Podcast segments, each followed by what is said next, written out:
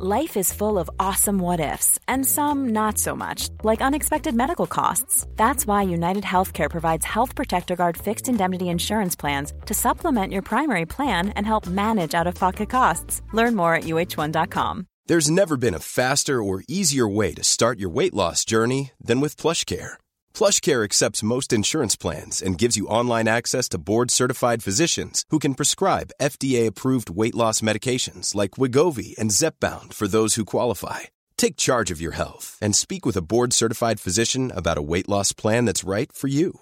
Get started today at plushcare.com slash weight loss. That's plushcare.com slash weight loss. plushcare.com slash weight loss.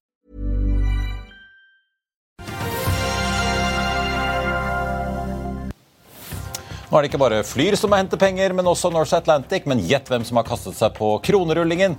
Archer de skryter av et rekordkvartal, og vi får besøk av sjefen i Tomra-utfordreren Vipco. Det er fredag 25.11. Velkommen til Børsmorgen.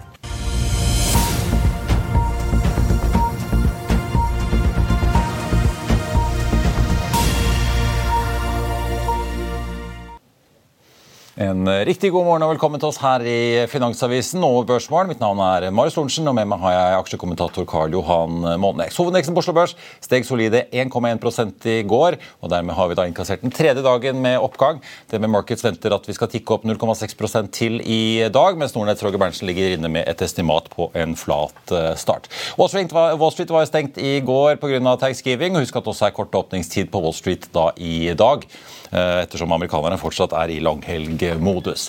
Pilene i Asia de pekte nedover eh, i går, men, eh, eller i morges, får jeg si, med unntak av Kina, der uh, utviklingen går i andre retningen. og Roger Berntsen i Nordnett peker på at aktiviteten har vært noe lavere i dag. Hvis vi ser på handelsvolumene, da, mye takket være at uh, også da markedet i USA var stengt i går. Smittesituasjonen i Kina fortsetter å prege nyhetsbildet i regionen, og den har jo da forverret seg den siste tiden.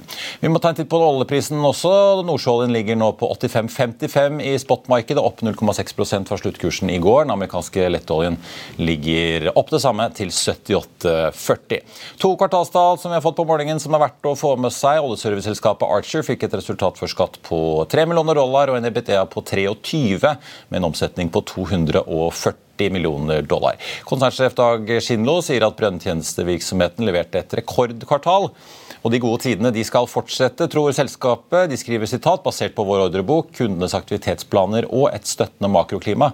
Ser vi en BTA for 2023 opp 15 20% fra 2022-nivået, og vedvarende sterkere utsikter deretter, skriver altså Archer. Så Adfjell Technology ute med sine tall. BTA endte på 188 millioner kroner av en omsetning på 5 millioner under milliarden, noe som er langt bedre enn det DNB Markets hadde lagt inn i estimatene sine i forkant. De ventet 134 millioner i brutto driftsresultat og en omsetning på 909 millioner. Aksjen suste opp over 14% i går, til litt over 28 kroner aksjen. Så spørsmålet blir jo da om Oddfjell Technology klarer å klinke til med en oppgang til, med tallene som da overrasker på oppsiden. Og fra kvartalstall skal vi over til en emisjon, for i går ettermiddag kom nemlig meldingen om at Norse Atlantic altså ville hente 300 millioner kroner for å fylle opp kassen i sitt britiske datterselskap etter krav fra britiske myndigheter. Den emisjonen den gikk i boks. den. Gründer og konsernsjef Bjørn Tore Larsen var villig til å ta to tredeler av emisjonen, men endte med 93 millioner kroner, rundt av 31% mot dagens andel, eierandel på 12,8. Og så er det en gammel kjenning i bransjen, ingen ringere enn Bjørn So, som også har kastet seg på.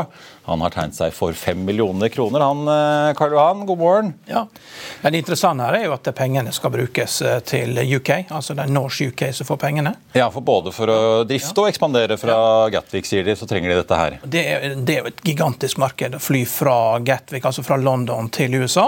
Og får du også feeding fra alle EasyJet sine fly eh, rundt omkring fra mindre byer i Europa. Da. EasyJet flyr jo mange steder i Frankrike, så det er kortere vei å fly fly, hoppe på flyet derfra enn å ta toget til Paris. Så, så det er, eh, Da kan du etablere en base og etablere lønnsomhet, finne ut hvor, eh, finne riktig prising. Da, fordi det er jo utrolig mange fly som går der. Så det, er mye lettere å finne riktig prising, da, for du har stort marked. Ja, Det var jo mye snakk om Norwegians langdistansesatsing, ja. hva som gikk og ikke gikk. Samlet sett gikk den jo med store underskudd, det vet vi jo. Men vi har jo hørt fra personer som har jobbet i Norwegian-systemet, at det var jo særlig ut fra Gatwick at ting virkelig gikk bra inn mot slutten, før koronaen kom. Stort marked. Og du vet, briter, det bor, det bor jo 80 millioner briter på øya. Det regner stort sett hele året. og så kan du da fly til et land, fly til et land hvor det, det som har kommet til en helt annen verden. vet du, og det, det, er klart det er veldig fristende å fly til cruise. klart Det eneste problemet det, det er jo pundet er mye svakere nå enn det har vært. Jeg vet ikke hvilken effekt det har. så det blir nok ikke helt det samme, men likevel det er fortsatt et stort marked. Så tipper jeg Bjørn Tore Larsen gjør alt han kan for å få amerikanere med sterk dollar til å fly inn til Europa. Det også, ja. I hvert fall til sommeren etter hvert. De flyr jo til Tyskland, Berlin og selvfølgelig London ja, og Paris skal de fly til. Masse amerikanske studenter som kommer til å fly til å bruke, det, bruke flyet nå. Så det, da, da, er jo det bare å, å, drive med digital markedsføring mot college-studenter, så vil jo de fly, fylle opp flyene. Og, ja, så det... Spring break in Berlin, vet du, det høres bra ut. vi, vi, må snakke litt om mekanikken her. Pareto og Sparebank Markets er altså med på dette her. Sparebank Markets har vært med på emisjonen i Flyr, som foreløpig én av fire deler har blitt noe av. De tre andre får vi jo se med den lave kursen som ligger godt under emisjonskursen. Men altså, det er jo en rabatt her på 40% mot sluttkursen i går. Da. De, skal hente, eller de henter altså 300 millioner på 2,50 kroner i aksjen. Endte på litt over 4 kroner i går. Hva ja. tenker du om det? Nei, det... De kjører en rettet emisjon der, så det blir jo det er ikke alle som får være med selv om de skal komme med en reparasjonsemisjon? Selv om de henta inn mye penger, så børsverdien var bare 300 millioner kroner. Så de henta inn like mye som de hadde i, fra før i børsverdi. Og, og, eh, det er klart da, Når du da gjør det på rabatt også, så blir jo det det blir mange aksjer. Så. Ja. Det, øh, en annen en annen ting eh, jeg bare tenkte på, er at altså denne, En ting er jo rabatten, men altså forskjellen her vi så jo på Flyr, så var jo ikke Erik Bråten villig til å stille med mer enn 10 millioner eh, kroner til, langt under hans relative andel. Her ser vi Bjørn Tore Larsen, som sitter med 12,8% av selskapet, går inn eh, med 30% av emisjonen, så langt over sin relative andel. Hva tenker du om det? Nei, men han, det tegn? ja, men det er klart, men, men uh, Erik Bråten han hadde jo sagt han skulle bruke 100 millioner, så det er helt fair. og da var det 10 millioner som gjenstår. Her er det fordi at de ser at det er en eh, lomme av lønnsomhet eh, ut fra Gatwick, og den vil de utnytte. Så dette her er helt rasjonelt, dette gjør han, for han skal tjene penger. og, eh, og og villig til å stille opp med mer sin, mye mer enn sin andel. Og jeg tror vel eh, villig til å stille med ja, eh, ja, to tredjedeler var det han ja, sa ja, og Så ble det vel 92 millioner eller noe sånt, ble redusert, og det syns jeg er helt greit. Ja. 30% ja, da, Og de som stiller opp, eh, Den var jo fullgarantert emisjon. Da. De som stiller opp, får 7% i provisjon. Men ikke i cash, de får det i aksjer i Norse Atlantic. Ja. ja. Det er jo like godt som cash det er nå for tida. Det går fort å selge hvis man vil ut av det. Det er i hvert fall tegn på at uh, ja. de i hvert fall vil vise at vi setter oss i samme båt, kanskje? Ja. Det er jo rabatterte aksjer, da. Så. Så. Vi skal følge litt med på hvordan aksjen åpner. Foreløpig har vi ikke fått noen eh, trades på en hovedindeks som er opp 0,2 eh, fra start. En annen aksje vi må snakke litt om, Adevinta som kom med tall i går, steg 7 I dag eh, ser det ut til at den tikker litt nedover 1 Karl Johan. Du har kalt, pris, du kalte prisingen i avisen i dag en tynn suppe? Ja, stiv pris for tynn suppe. Ja, det var det det var. ja. Er, ja. Den er jo ned 42 i år og nådde jo toppen i sånn sensommeren i fjor. Så Det er jo, det er jo fantastisk suksess. Jeg har, eh, har liksom tatt finn.no og flytter ut i Europa og skal lage, og lage kopier. Men det er klart du, du du eksperimenterer her, og så flytter du det ut. så Du vet liksom litt mer uh, hva du har. da, Men når du fusjonerer Det er jo et oppkjøp da, som er gjort av eBays uh, rubrikkannonsevirksomhet.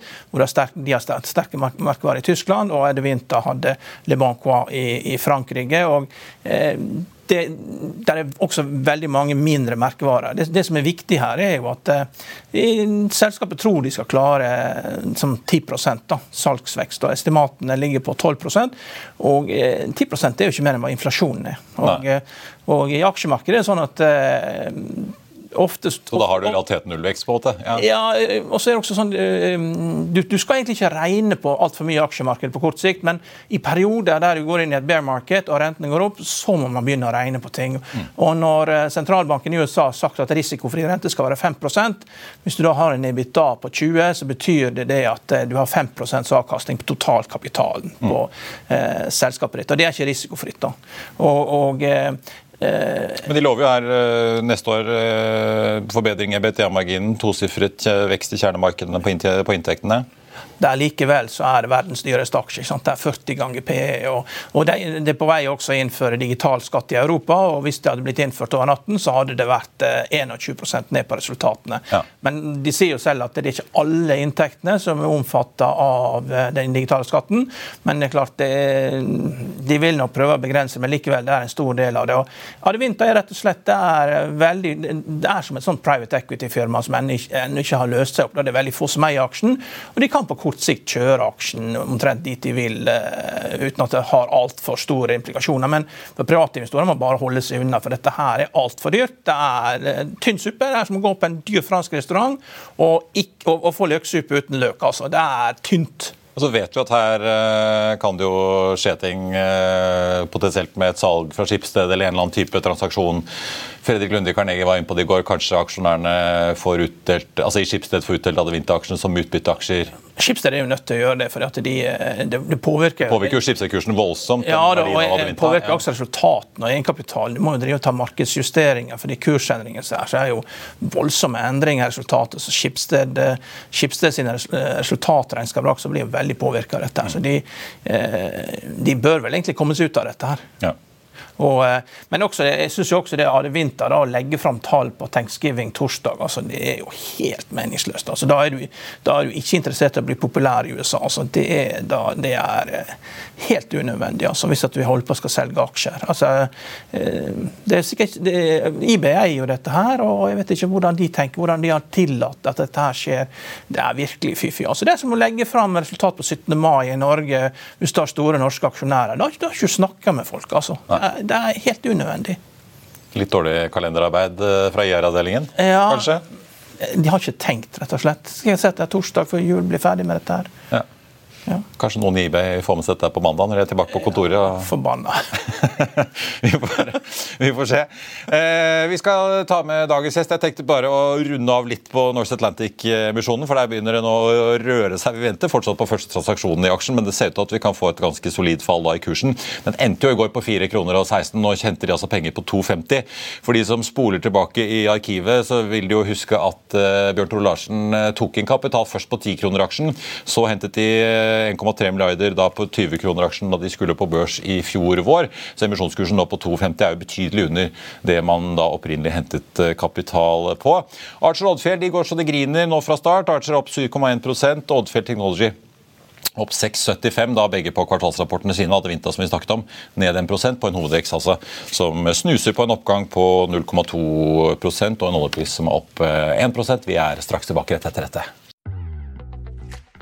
La oss i Finansavisen hjelpe deg med å holde deg oppdatert på alt som skjer i finans og næringsliv. Hver morgen er jeg, Marius Lorentzen, og aksjekommentator Karl Lohan Målnes på plass i studio for å ta tempen på dagens marked i Børsmorgen. På ettermiddagen oppsummerer vi alt du trenger å vite i økonominyhetene, og så får vi selvfølgelig besøk av masse interessante gjester. Du finner oss på fa.no-tv, eller ved å søke opp Børsmorgen og Økonominyhetene der du hører på podkast. Ready to pop the question? The jewelers at BlueNile.com have got sparkle down to a science with beautiful lab grown diamonds worthy of your most brilliant moments. Their lab grown diamonds are independently graded and guaranteed identical to natural diamonds, and they're ready to ship to your door. Go to Bluenile.com and use promo code LISTEN to get $50 off your purchase of $500 or more. That's code LISTEN at Bluenile.com for $50 off. Bluenile.com code LISTEN. I'll see you in court. Vi sier det ofte litt på spøk, men for deg som driver business, er det aldri moro å innse at du ikke har laget en 100% gyldig kontrakt. Du bør ikke risikere hele firmaet ditt fordi du synes dette med kontrakter er litt stress. En avtale er ikke en avtale. Du kan miste kunder, miste venner, ja, til og med miste inntekter om du ikke lager en skikkelig kontrakt, på alt mulig, egentlig. Men vi vet det er et styr. Kopimaskiner, tregprinter og haugevis av papir. Dessuten stoler vi jo på folk her i landet. Det er ofte litt kleint å skulle be om en signatur for alt mulig, ja, for mye av styret handler også om jakten på underskriften. Det finnes en enkel måte å løse dette på, Dukkobit. En trygg, effektiv og get this, gratis måte å sikre seg en god natts søvn pluss en juridisk bindende avtale. Dukkobit-appen har de strengeste sikkerhetskrav i bunn, samt en EU-godkjent og sertifisert teknologi. Framover vil det bli behagelig å spørre du, skal vi skrive under på det, eller? Kom i gang på dukkobit.no.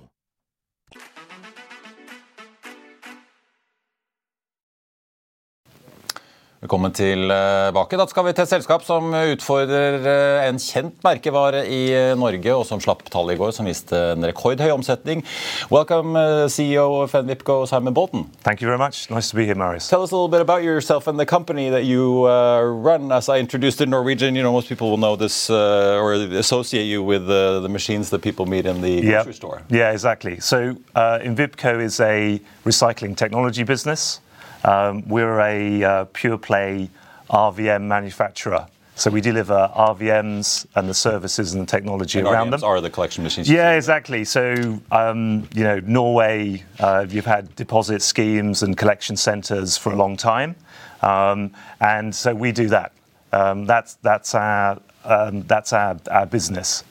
But it's a it, so that's sort of uh, you focus on that core business. You're not into big garbage recycling and, and No, no, absolutely. So we're we're a technology company. So we design, manufacture, install, and most importantly, we service those uh, those equipments. We were we're founded uh, in the US, so 40 years ago. So we've been doing this as long as anyone, um, and now we're looking to pivot towards Europe.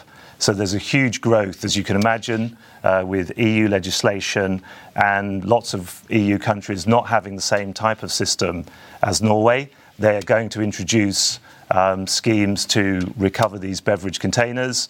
Uh, the best way of doing that is to add a deposit. So it encourages people after they've consumed the drink like you pay a 10 cents extra. or yeah, exactly. So each bottle, yeah. exactly. So Scotland be, is a is a scheme that's going to go into effect next year. That is 20 UK pence. So there's quite a quite an incentive there for people then to return the beverage container, and then that material is obviously captured and then ultimately reused for uh, uh, for new bottles and cans. But so, uh, if I understand you right, it's the U.S. market sort of. Uh, obviously, I'm, I'm sure there's potential for further growth. Yeah. it- are things not moving along there as quickly? So you is that why you're pivoting towards Europe? Yeah, so we, we've um, most of our business at the moment, and again, where we were found is in the US. So it's a mature, stable business. The the deposit legislation actually came in much earlier than, than Europe. So in the 80s, uh, US states were worried about littering. So they put in deposit legislation to make sure there was no cans and bottles uh, on the streets. And then um, after that, um, we had a wave of UK of European uh, legislation. So Norway, the other Nordic countries, Germany, which was based on um, building out refillables uh, infrastructure.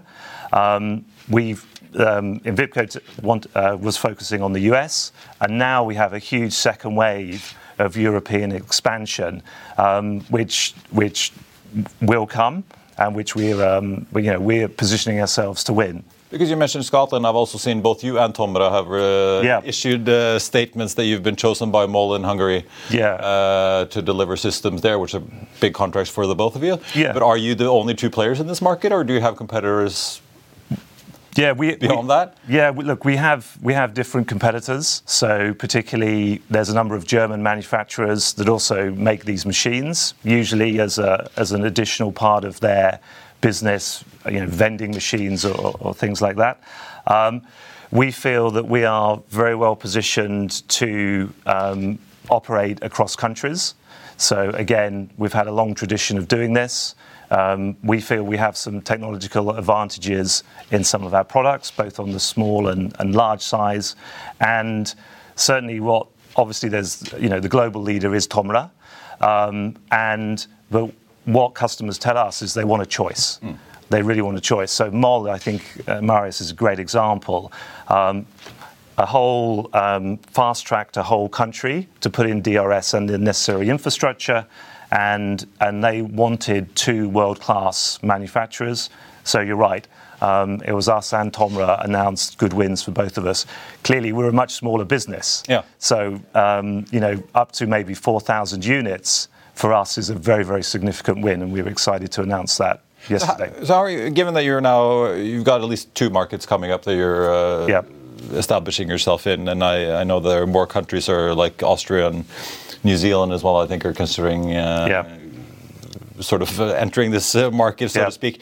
But how are you financing all this uh, growth in the company now?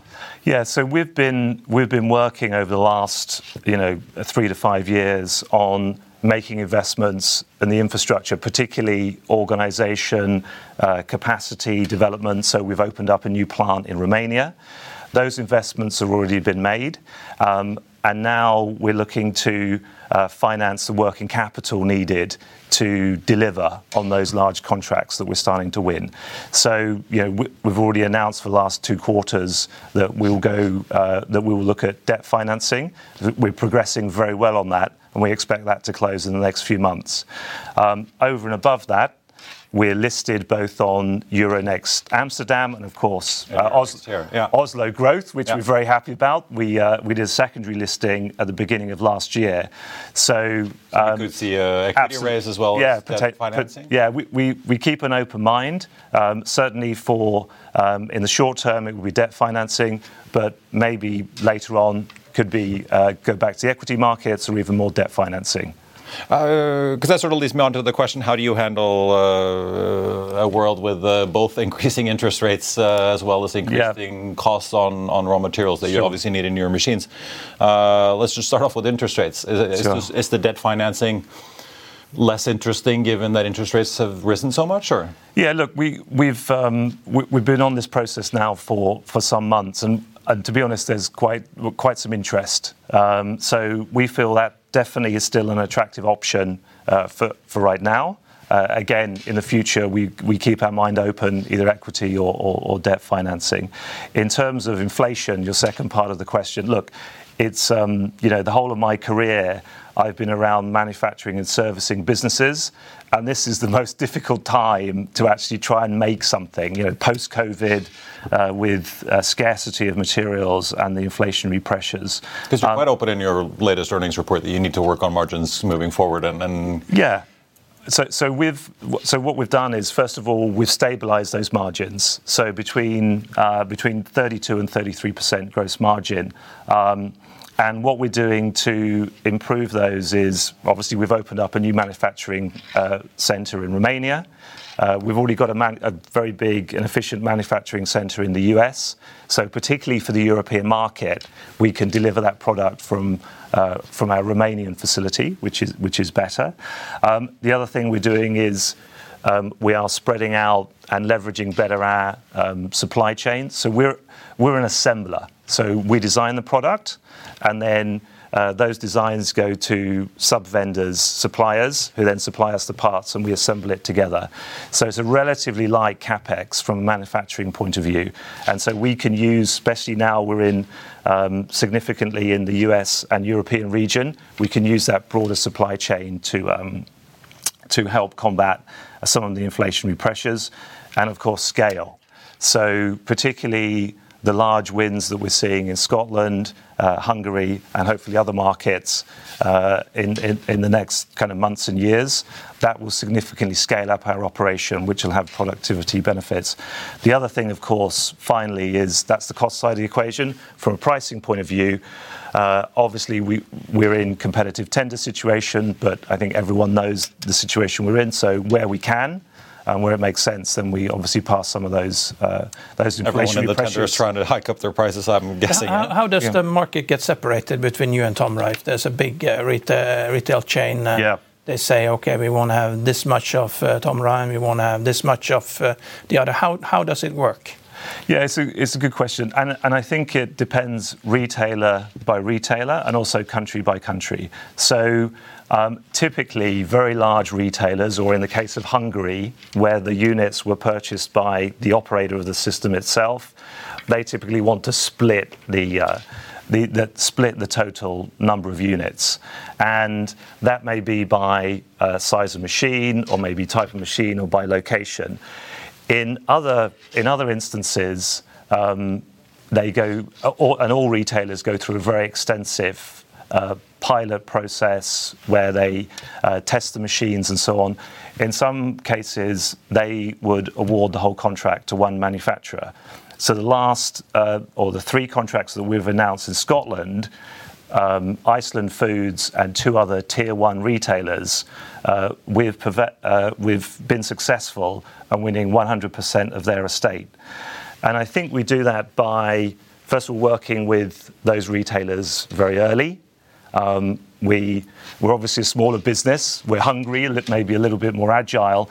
And so we can work with them over you know, 12, 18 months, really understand what they need and how they're going to implement the deposit scheme because for them it's new, it's, it's something that has been required by legislation. And so through that partnership process and through the piloting process, then we can be really well positioned to show what we can do from a technology. So will they, will they line up your machines next uh, to the Tomra machine? So yeah. will they say, okay, Tomra, you get Budapest, and you, you the newcomer, you get uh, the low intensity stores in the sticks? Uh, how do they work? How does it work? Yeah. So if we if we look at if we look at Hungary as an example, so Hungary has split the contract based on size of machine. So, so the larger kind of the back, so-called backroom type machines, um, that went to uh, our competitor Tomra, and the medium and small machines, um, which is one of our specialities, um, that, that came to Envipco. So there it was split by type of technology, and again with the view to have two world-class, you know, providers providing that that uh, those machines. Obviously, at the smaller end, there's many more units. Right. Uh, so value-wise, it's probably about 50-50, but in terms of units, then then we have a higher number. Just to finish off quickly, uh, we've seen the big list of countries uh, that are Yeah. moving into to the recycling like we have in Norway. Um, Absolutely. But is there a sort of centralized push in the EU as well to get the remaining countries to do the same, or is this very much a country-by-country process that you have to get engaged in? So there's a huge push. So after the uh, circular um, economy uh, strategy, there came several pieces of le- EU legislation, particularly the Single-Use Plastics Directive. And for the first time, we have clear targets for national governments for the recovery of these beverage containers. Yeah. So it needs to be 70, 90%. And you can really only do that by putting in a deposit scheme. So that's what It's basically a matter of time before Yeah. the remaining countries come along. Absolutely, and and the, the the combination of national governments needing to do it, and also the beverage now the beverage industry needing that uh, recycled material to put into new packaging. That's that's driving the whole market. So so the market um, industry ex, uh, estimates think that the market will uh, quadruple in Europe over the next three or four years, and obviously as in Vipco, we want our fair share of that. I'm sure you do. Yeah. Simon Bolton, CEO of VIPCO, thank you so much for joining us. It's a pleasure. Thank you, Marius. Okay, Vi må fortsette å prate litt om Adevinta og Norse Atlantic. Karl Johan, jeg tenkte vi må begynne med Adevinta. For nå er SEB ute og nedgraderer da fra hold, til hold fra kjøp. Opprettholder kursmålet sitt på 85 eh, kroner. Så er Carnegie ute og justerer litt eh, på kursmålet fra 102 til 100 blank. Opprettholder sin eh, kjøpsanbefaling. DNB Markets gjenta kjøp. Oppjusterer kursmålet sitt eh, fra 90 til eh, 100. Så litt sånn eh, småjusteringer her eh, på tampen etter kvartalsrapporten. Ja, nei, det, det var som han sa, vaktsjefen. Er det noen analytikere som har salg nå for tiden? Ja. Det er sant. Eh, North Atlantic, der er jo aksjen ned nå 35 eh, Ligger på ja, 2,70 nå, så begynner det å nærme seg emisjonskursen på 2,50. Ja, men det er jo opplagt at når du gir meglerne 7 av emisjonen, eh, så de, de aksjene skal jo ut. De kan ikke sitte og eie dette, her, så det skal jo ut med en gang. Ja. Og, men det var vel også sånn at eh, eh, hovedeieren fikk vel også en del av den tegningsprovisjonen. Ja, Bjørn Larsen. Ja da, han, han, han fikk jo alle som er med og garanterer for 7 Ja da, så det er bare, det er bare to tredjedeler da, som skal ut, hvis det er megleren som har garantert det. Det, de, de, det går jo ut, da. Med Ja. Det er jo, man sitter ikke på det, det er jo derfor man har tatt dette her. Så, ja, ut med en gang. Det er, eh, men har ingen kost, vet du. Bjørn og Bjørn. Før var det Bjørn Kiese, men nå er det Bjørn Sos og Bjørn Tore Larsen som er eh, med i dette. her. Du, Vi må snakke litt om uh, REC, som man kunne lese om i dagens uh, avis. Og ikke om uh, anlegget i Moses Lake, men uh, et eh, anlegg i Kina som REC har via en joint venture eh, og som er skrevet ned til null, men her kan det begynne å skje ting. Det er jo, eh, det er jo akkurat som en amerikansk kunde sa til meg. Altså, you guys, you're a bunch of yahoos. The kitchen is on, the house is on fire, and you want to start renovating the kitchen. Ja. Det er helt crazy, vet du. Ja, men altså, Det er, det er skrevet til null. Den er nedskrevet til null. Og så er det jo da de Dette er jo da Julin i Kina, Ja, ja. og nå er det snakk om å børsnotere det, dette her. Daniel Stenslet i Arctic mener at eh, gitt at det Nå er jo da REC 15 REC er jo 15 av denne joint venturen. Gitt at dette går på børs med det det snakkes om, så regner han at eh, det priser RECs eierandel til eh, 1,8 milliarder kroner. eh, Altså, altså drøye 4 kroner aksjen. da. REC endte jo å gå på 18,50. Den er skrevet til null. Ja.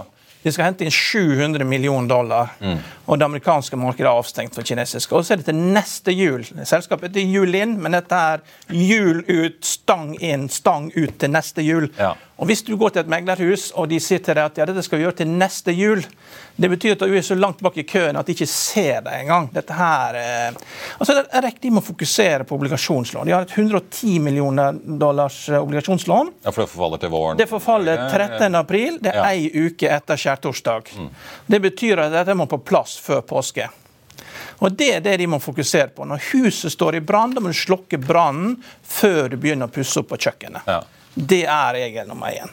Renten på dette lånet her var 11,5% i normaltid. Uh, skulle ha priser i dag, renten helt sikkert 15-16-17 De må hente inn egenkapital. Og når kursen er der den er, så, må, så blir det en rabattert emisjon hvis de skal gjøre dette. Ellers så må de forlenge lånet eh, til 11,5% og gir veldig god sikkerhet eh, på det. Det er, også, det er også noe de må gjøre, for, ellers så får de ikke dette til.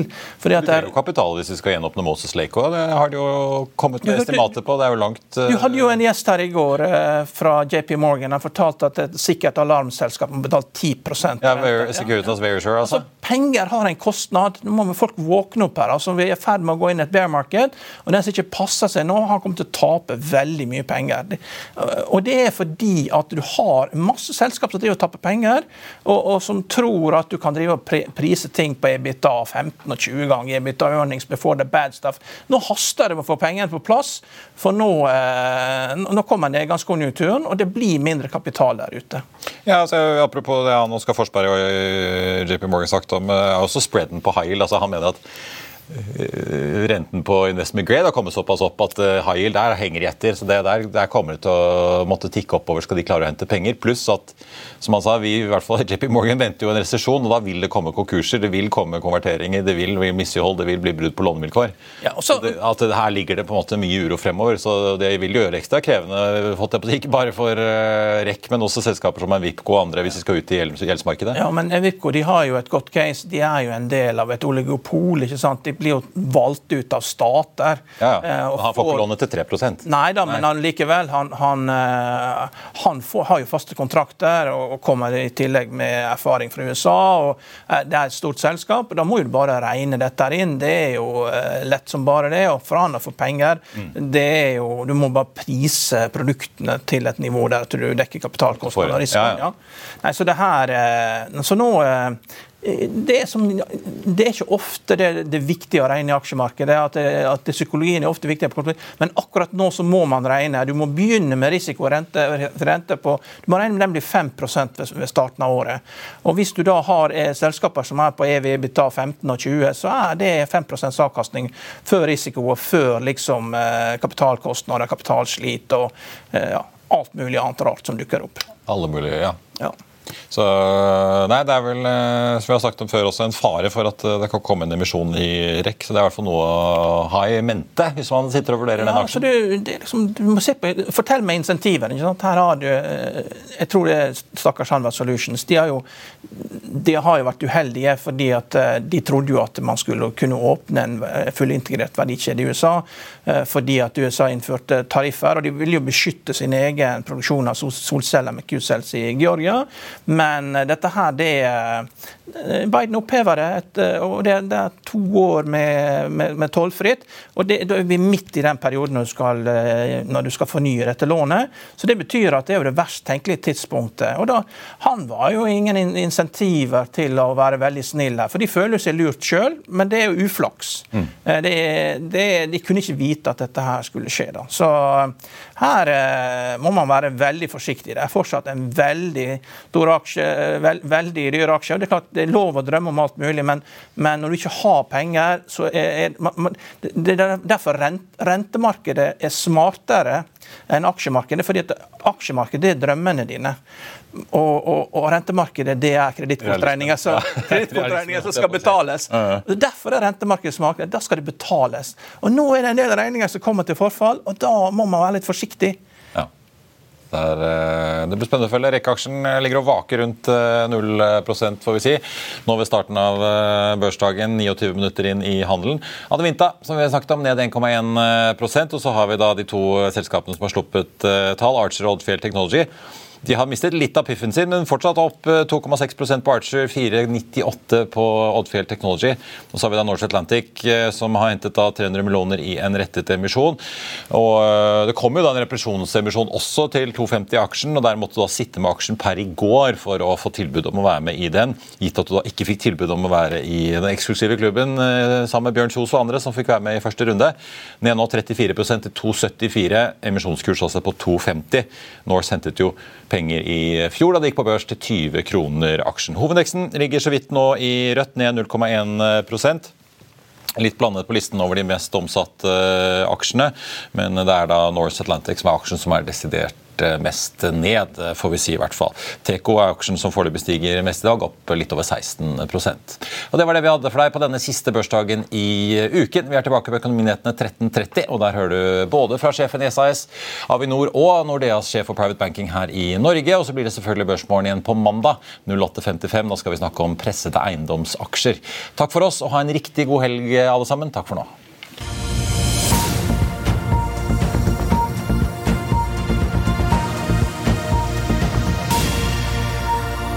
Økonominyhetene er en podkast fra Finansavisen. Programledere er Marius Lorentzen, Stein Ove Haugen og Benedikte Storm Bamvik. Produsenter er Lars Brenden Skram og Bashar Johar. Og ansvarlig redaktør er Trygve Hegnar.